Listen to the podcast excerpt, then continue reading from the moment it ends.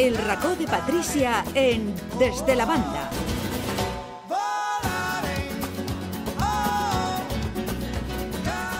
Patricia Campos, hola, què tal? Bona vesprada. Bona vesprada. Què ens portes, què ens trobarem en el teu racó, el racó de Patricia avui? Aventures, esports i somnis. En el meu raconer viatjarem des d'Europa a Àfrica, passant per Japó fins a arribar als Estats Units, sempre de la mà de l'esport. Un esport que trenca barrers i que serveix per a transmetre valors i passió allà on es practica.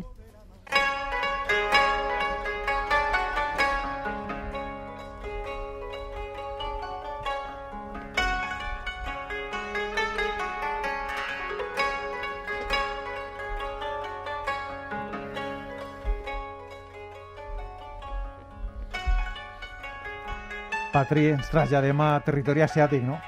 Konnichiwa, Jordi, així és. Eh, hola, konnichiwa vol dir hola en, en japonès. Vaig viatjar al Japó, concretament a Okinawa, en el 2019, per a veure com es vivia l'esport al país asiàtic. Ens has parlat d'Espanya, d'Estats Units, d'Àfrica, això és totalment diferent.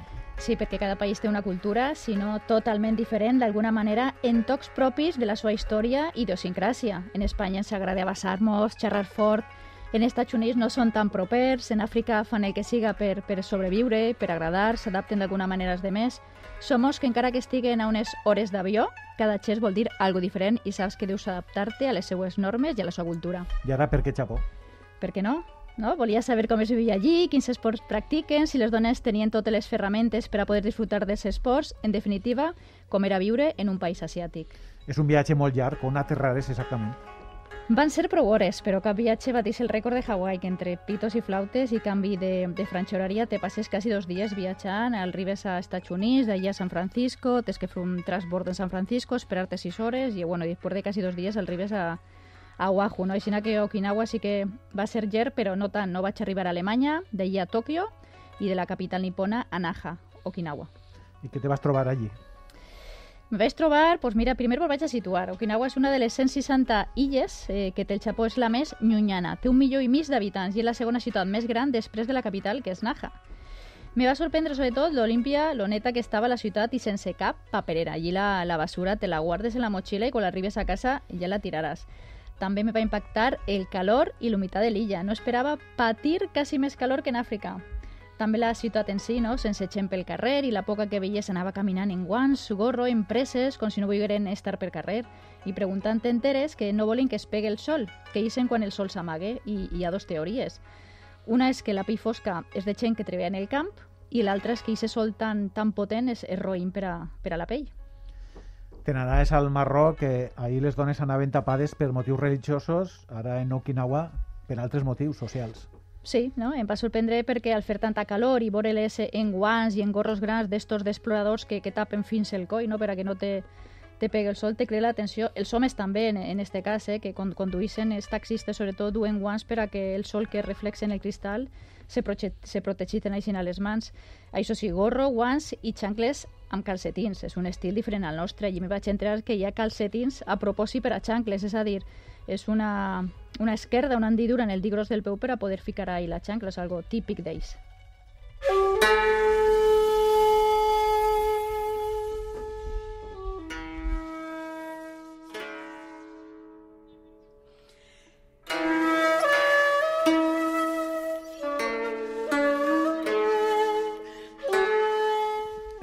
Tots els jocs... No vos dormiu en esta música, però és música japonesa, eh? En tots... Música sí, relaxant. Sí, sí, sí, segur, no, no, no ho dubtem. En tots els jocs Molt, has, molt, molt relaxant. on eh? has estat i ens has contat que, que has estat, has conegut a molta gent, evidentment en el Japó també. Sí, vivia en una casa que era d'una mestra retirada, que es diu Yokono. Me vaig recordar, me recordé el nom perquè és com la marca de sabates valencianes, no, d'Alacant, Yokono.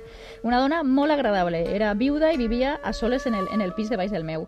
I tenia una amiga i me duen en cap de setmana a veure llocs per a que coneguera la ciutat i també anaven a una caseta de camp molt pintoresca que, que tenia Yokono en la muntanya, així que vaig estar molt ben acompanyada i en gent superagradable i gent autòctona no? de, de la zona que s'han après de veres com, com es viu en aquesta ciutat en aquest país. I com era el pis on vivies? Curiós, eh, per supòs com en Estats Units eh, deus descalçar-te a l'entrar. La diferència és que en Okinawa hi ha unes zapatilles d'anar per casa a l'entrada per a que les pugues usar. O sigui, totes les cases tenen les zapatilles d'anar per casa de la família i a part les del convidats per a que tu no estigues descalça en, en cap moment. Eh, també hi ha una cuina molt xicoteta que funcionen uns botons que fan uns sonits eh, com si foren dispars, era un ta ta ta ta ta ta ta ta ta. Jo no sé si antigament les cuines funcionaven així, però a mi me sorprèn que tu apretes un botó i és com si foren dispars, però tal qual dispars. Me va llamar la, també l'atenció com era el servici, que era una placa tota de cement eh, que no tenia altures i la dutxa no tenia mampares. És a dir, quan tu te dutxaves, tota l'auia corria per tot el servici. A mi m'estranyava, però bueno, eh, és així, no tens unes xancles també a propòsit en el bany per a dutxar-te, però no... És més raro, no?, que un bany estiga tot ple d'auia. El vàter, el vàter és un vàter intel·ligent. És com el còpic d'un avió, o pitjor perquè tot està ple de botons però en japonès. Té un braç al costat com si fos una cadira ple de botons i cada botó té una utilitat diferent. Pots ficar-te calefacció en la tassa, pots estalviar aula, pots regular la temperatura de l'aula, d'efecte secador, pots donar-li llum, si ho necessites, també estalvies paper. De fet, darrere on està la cisterna pots apretar un botonet que és una espècie de xorro per a llevar-te les mans. O sigui, està tot eh, super ben preparat.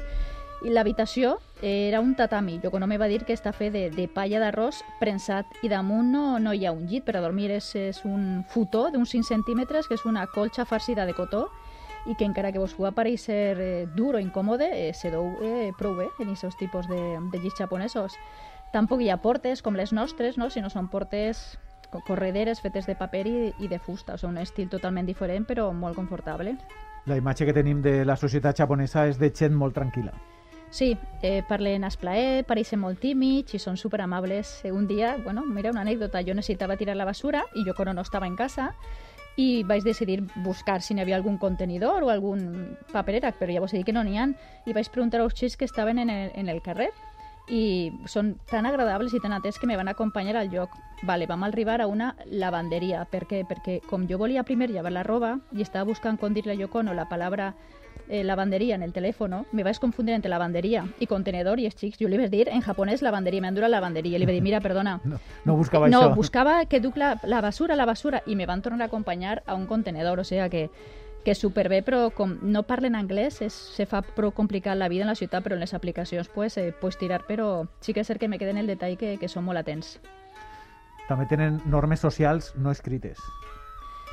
Sí, i deus de saber-les eh, per evitar situacions incòmodes. Ells no, no donen la mà, ells s'inclinen un poc el cos per a mostrar respecte i depèn del grado d'inclinació tenen més o menys respecte. També quan vas a pagar deus donar la targeta en les dues mans i este la tornen en les dues mans com una forma de consideració i si pagues en gens, que la moneda del Japó la tens que és una bandejeta, no, mai se dona en, en la mà i també les persones no s'apropen molt per a parlar, si no senten còmodes en la distància social eh, nostra d'Espanya. També tenen gustos diferents als nostres, no? però clar, cada cultura té, ja sabem que és diferent. Hi ha màquines per a comprar roba interior usada, pubs on pots disfressar-te d'home o de dona, depèn d'aquest dia com tu te sentes i, i no passa res. Alquilen amics per a tindre companyia, diuen que no els agrada que aquesta persona parli, sinó és una persona que t'escolte i no té per què dir res, cada amic val 100 dòlars. Ara mateixa alquilen acompanyants per anar a bodes, enterros, quan els pares se li mor un fill volen que l'enterro estiga ple de gent, alquilen amics, eh, alquilen també amics per anar a veure familiars, perquè la família pense que, que tu tens molts amics, o sigui, que tot xoca un poc perquè són persones que... Àmbits socials totalment diferents. Totalment diferent, perquè a nosaltres mai se mos ocorriria alquilar ningú amic per a pretendre tindre més amics, res d'això, o sigui, que sí que és tot, per ahir és normal, aquestes coses, a més se parlen, mira, jo necessito amics, eh, quan val? O sigui, és algo normal, però per a nosaltres sí que mos xoque molt. I encara que ja estem així acostumats a, a menjar amb els típics eh, palets xinesos, però fer-ho per obligació tots els dies en cada menj, eh, menjar, mm, què tal és dur? Jo, al final t'acostumes perquè en Hawaii jo ja ho havia practicat, però al principi coste. I també ahí, eh, és important respectar les regles socials. Eh? Me van dir que els palets sempre se separen abans d'usar-los d'una forma horitzontal, mai vertical perquè dona mala sort, o sigui que quan anem a usar els palets no podem fer-ho en vertical, separar-los, és en horitzontal. I també és de mala educació deixar els palets dins del bol, o sigui que són normes que, que les deus de saber si vos viatjar al Japó. I si m'hagués de recomanar un lloc en concret i especial per anar a visitar, quin seria, Patri? Hi ha coses molt boniques. Hi ha un castell Suri, que és una meravella feta de fusta. Impressionant. És patrimoni de la humanitat, construït en el segle XIV. És com un palau, però fet de fusta. Molt xulo. Eh, jo vaig anar, me va encantar i vaig pensar, ostres, esto com caga, ha un poc de, de, de foc, se pren tot i, i se'n va a pique, i un mes més tard, en octubre del 2019, eh, d'anar jo es va incendiar i va quedar totalment destruït, una llàstima perquè era superbonic. També te recomanaria les platges, Eh, són platges que, que estan desèrtiques, són precioses, però no n'hi ha ningú. L'aigua és cristal·lina, l'arena blanca i buides. I es recomana que, que no te claves dins perquè hi ha peixos venenosos en algunes platges i tens com uns 10 metres per entrar fins on estan les bolles i allà els turistes fan snorkel, però crida molt l'atenció que si en Espanya aprofitem un poc de sol per anar a la platja i allí per a res estan buides, no? I a més que, que estan supernetes, és una llàstima. També te recomanaria les rutes de senderisme, com en Hawaii, són molt xules. A mi m'agrada especialment Pinasaila, Mayagusku, però són de diferents nivells de dificultat, però sí que Okinawa és una ciutat també molt verda en què pots disfrutar molt de, del hiking o del senderisme. I per últim, Jordi, l'aquari Churaumi. És el segon aquari més gran del món i l'únic que té quatre tiburons ballena en un estanc d'aigua. És enorme i ple d'espècies que, que jo no sabia ni que existien i en, i en Twitter ahí se poden veure un munt d'imatges del, de l'aquari.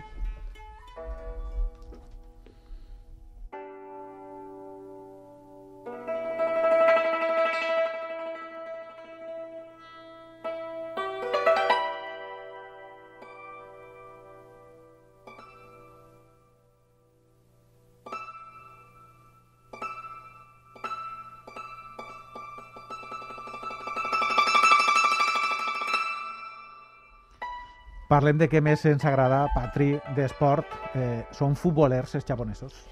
Hi ha equips de futbol dins de les bases militars americanes, perquè Okinawa té sis bases. Els americans van ocupar Okinawa en la Segona Guerra Mundial i van construir moltíssimes bases militars. Ara li queden sis.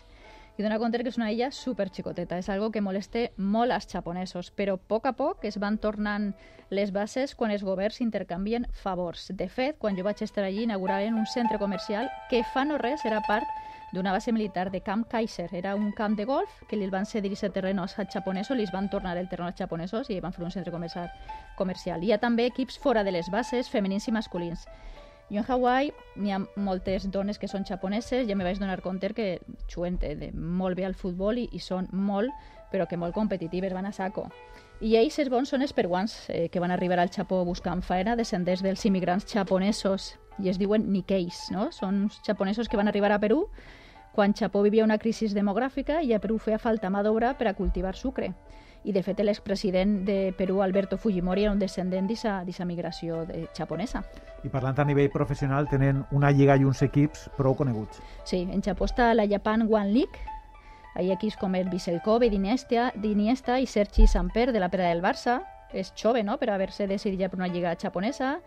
I sa Cuenca, extrem, se recordeu també de la Pera del Barça en el Vegalta Sendai, Fernando Torres també va jugar en el Samsung Tosu, Villa va jugar també en el Vissel Kobe, el cas de, del jugador Sergio Escudero, que va néixer a Granada i després en la seva família va emigrar a, al Japó i va fer la seva carrera com a futbolista de va fer internacional, crec que la sub-20 del, del Japó.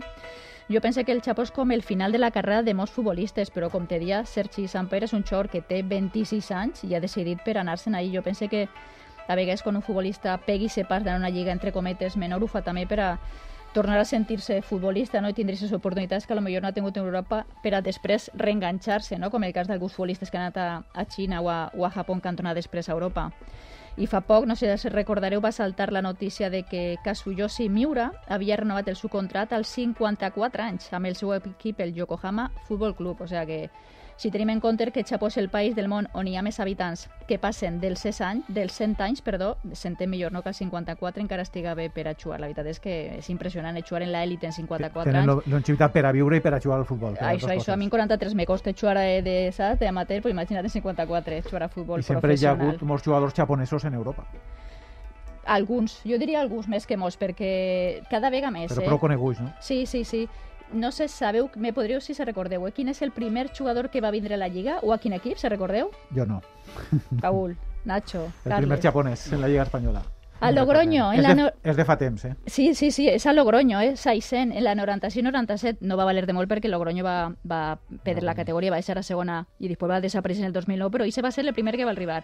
Després ara està Cubo, del Madrid, ex del Villarreal, en el Getafe, Inui de l'Eibar, eh, Gaku Shibasaki en el Leganés, Osaki en el Osaka, o sea, en Europa també està Kawana en el Manchester, Uchika en el Salke, Inamoto en el Arsenal, Minamino en el Liverpool, no molts, però es pot dir que, que cada volta més, no? que cada volta som més acceptats, a més també que tindre en compte que que les marques no, que també es fan acompanyar-los en aquest recorregut per Europa i molts equips, pues, a lo millor entre de ser un altre jugador i un jugador japonès pues, s'interessa també i sa força econòmica del Japó en els seus equips. I se marquen no? de vendre camisetes i d'apostar per ells.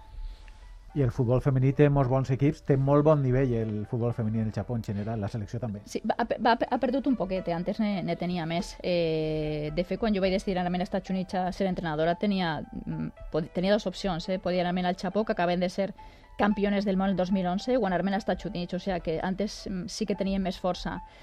De fet, és l'únic país que ha sigut campió del món en totes les categories. També són plata en les Olimpiades de Londres del 2012 i com te dia pues, han perdut un poc la força també per al creixement del, del futbol a Europa, del futbol femení, seleccions com Suècia, França o, o Alemanya, no? o Espanya també que estava fent molt bé les coses. Però bueno, ara s'estan ficant de nou a tono perquè el Mundial ve en el 2023 i volen estar ahí també competint.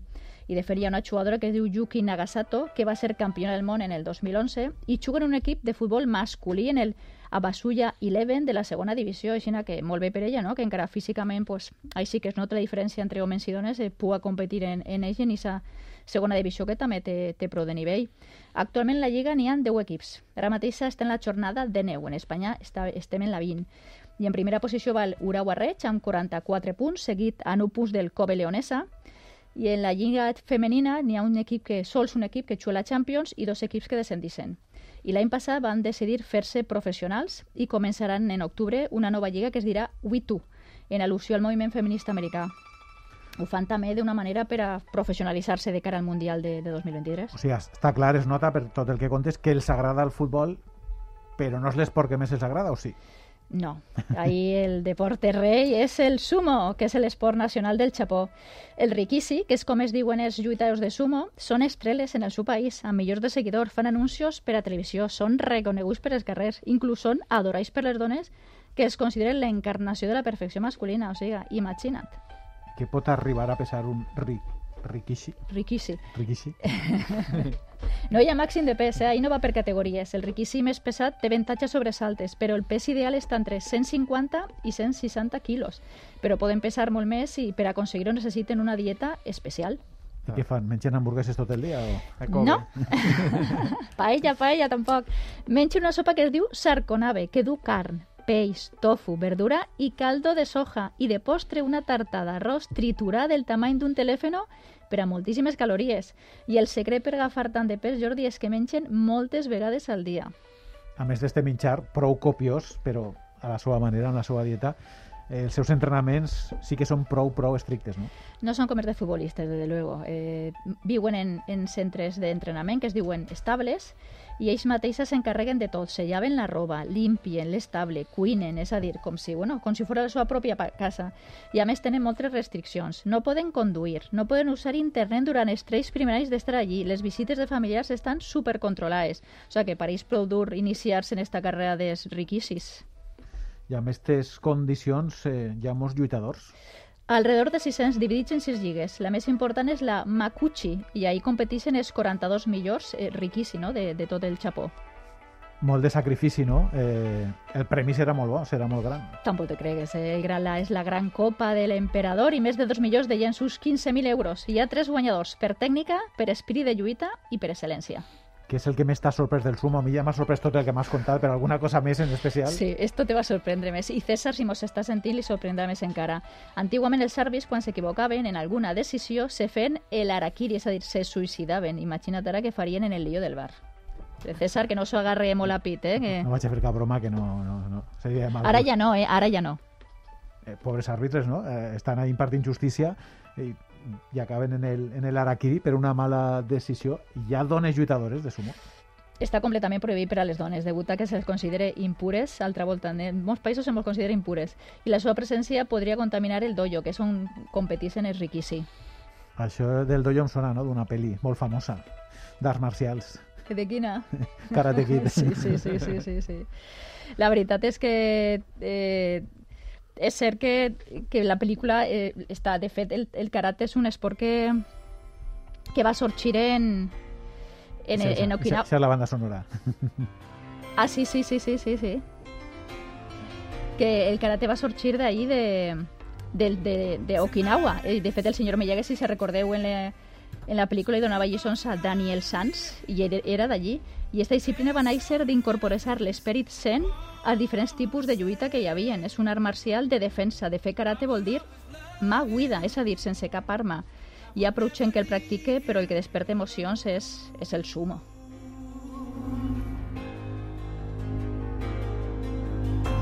Sometimes I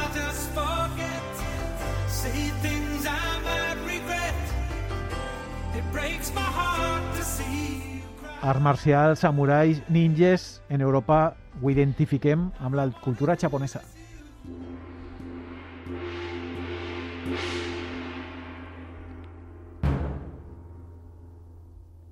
De fet, la cultura samurai és, és algo que es considerava una forma de vida des del segle X, que és quan va sorgir la figura d'estos guerrers d'èlit, fins que van desaparèixer en el segle XIX.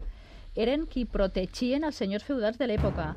Així com els ninjas eren mercenaris, els samurais eren guerrers que dominaven la música, l'escriptura i l'art. Tenien uns codis d'honor molt importants per a ells, honestitat, justícia, benevolència, que devien de seguir, i si algun samurai es desviava d'aquest camí, quedava deshonrat i devia de fer-se de nou el harakiri, o sigui, molt estricts amb les seues normes. No sé si recordeu la pel·lícula de l'último samurai, que ahí reflexa un poc com era el seu, la seva forma de viure.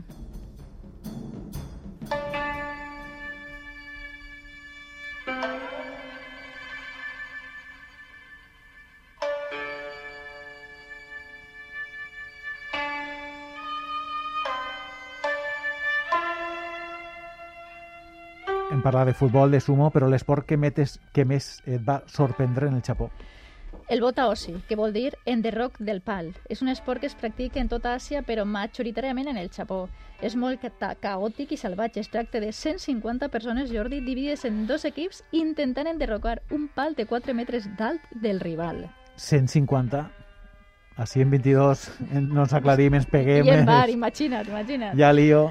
150. 75 per equip, te pots imaginar el caos, però d'alguna forma està tot organitzat. Va començar en 1945 quan es va utilitzar com una manera d'entrenament per a la batalla d'Okinawa en la Segona Guerra Mundial. M'ho estic imaginant eh, molta gent corrent, espentant-se, fins a enderrocar el pal, no? Finalment, i és la finalitat. Eh, pitjor que això, és una mescla de futbol americà, arts marcials i boxa, tot junt, imagina. Són dos equips de te- 75 persones, cadascun i tenen que aconseguir enderrocar el pal custodiat per l'altre equip. En la punta del pal hi ha una persona, que es diu el ninja, qui s'encarrega de mantindre el pal recte. El defensor del pal el rodegen impedint que els atacants puguen baixar al ninja i tirar el pal a terra. Els atacants van acumulant membres dels equips baix del pal contrari, com els castellers, no? per a pujar un damunt de l'altre, baixar el ninja i enderrocar el pal. Ahí hi ha de tot, patades, punyades, espentejons, i encara que duen casco, rodilleres, espinilleres, les lesions són brutals, Jordi. Nassos trencats, clavícules, costelles, cames... De fet, molts equips han deixat de participar en estos tornejos perdó, per el risc que corren els esportistes. I qui guanya el bota Oshi, el més ràpid o el més fort? Guanya l'equip que hagi preparat millor l'estratègia i poden estar mesos preparant el torneig. eh? L'equip que en 90 segons aconseguisca baixar el pal a 140 centímetres de terra és el guanyador. Si cap equip ho aconseguís, se torna a començar i si alta volta no hi ha guanyador, al final es desempate amb una moneda. I a lo millor te pots preguntar en tanta gent, 150 persones, com es diferencia l'atacant i el defensor, perquè duen colors diferents blanc és de defensors i colors brillants dels atacants. Així que si tu estàs defendent i veus un color que no és el teu, saps que almenys no, no estàs Però, intentant però que salga complicat, el teu tanta gent encara en colors. Eh, Alguna te però caurà en tanta gent, eh? en general, amb tantes diferències culturals, que et va sorprendre més? que no parlar en anglès perquè això te dificulta molt les coses. Dona compte que en tots els països es parla anglès, no? Bueno, en Àfrica en alguns països francès, però per japonès per a mi és prou complicat, no? Per la forma d'escriure, la forma de pronunciar, i és difícil agafar un taxi perquè el taxista no parla anglès, eh, no pot mirar les indicacions que li estàs donant en el telèfon, o comprar, també no saps què està comprant perquè tot està en japonès. Bueno, n'hi ha una aplicació que tu fas la, una foto a, a les paraules i te les traduïs, no? que és super ràpida i, i està molt bé, però sí que és cert que patisses perquè no tens com explicar-te i ahí dones compte lo important que és aprendre idiomes per a poder viatjar, no? quan te trobes un poc que dius, ai mare, com, confusions, no? que no són importants perquè al cap i al fi no és un país molt civilitzat, però sí que és cert que sents a vegades un poc desemparar també, com te dia, lo amables que són, no? Jo també ho miro, compare en Canàries, quan he anat, jo volava molt a, Can a Canàries abans, també la gent és molt amable d'acompanyar-te als puestos, però el resta d'Espanya no m'havia passat, i en Japó t'acompanyen, eh, s'asseguren de que estàs bé, se queden en tu hasta que, que parles amb la persona que t'han acompanyat, és a dir, són molt amables. També va sorprendre la neteja, que l'honest que estan els carrers, no? que no hi ha papereres però no hi ha ningú paper en terra. Això com és possible? I contenidors eh, n'hi ha un o dos, jo no hi vaig veure tampoc Com molts. has dit abans, perquè no es tiren, no? Es fiquen en la motxilla i després es tiren en casa, però eh, jo no ho sé, o sigui, no n'hi ha paper i està tot supernet i, i molt ben cuidat. I també que, bueno, una cosa que me va, me va fer molta gràcia, que els xiquets quan creuen el carrer van en una, en una fila índia, en tirereta, i la mà alça per a que els cotxes es vegin, no? I quan són tan xicotets i la maneta aixina, pues, me, va cridar molt l'atenció que ho feren aixina. I també que quin és el, el secret de Japó, no? que ja és que és el país que més gent té de 100 anys, de més de 100 anys, no? Dius, ostres, què passa així perquè la gent dure, dure, dure tant? O sigui, que físicament sí que és cert que eh, no són persones que tinguin moltes arrugues, això està clar. Al viatjar en els països t'ones compte que gent de la teua edat està, pareix molt més, més jove que tu, com els africans, no? perquè la seva pell està acostumada al sol, no? o, a, o a patir més si respon d'una altra manera, i, i en Japó també, no? gent més major que tu que pareix aparent molt més, més jove que tu, pues perquè les diferències fisiològiques de, de cada cultura, de cada país. Patri, ja per acabar, a tu t'agrada adaptar-te prou a la cultura, als hàbits socials eh, de cada societat, de cada país al que vas, en el Japó. Eh, te posaràs la indumentària típica d'allí o no? Eh, bueno, tenia diferents alternatives, tenia la de ninja, la de geisha i la de samurai. Saps quina vaig elegir? No me de geisha, la de samurai.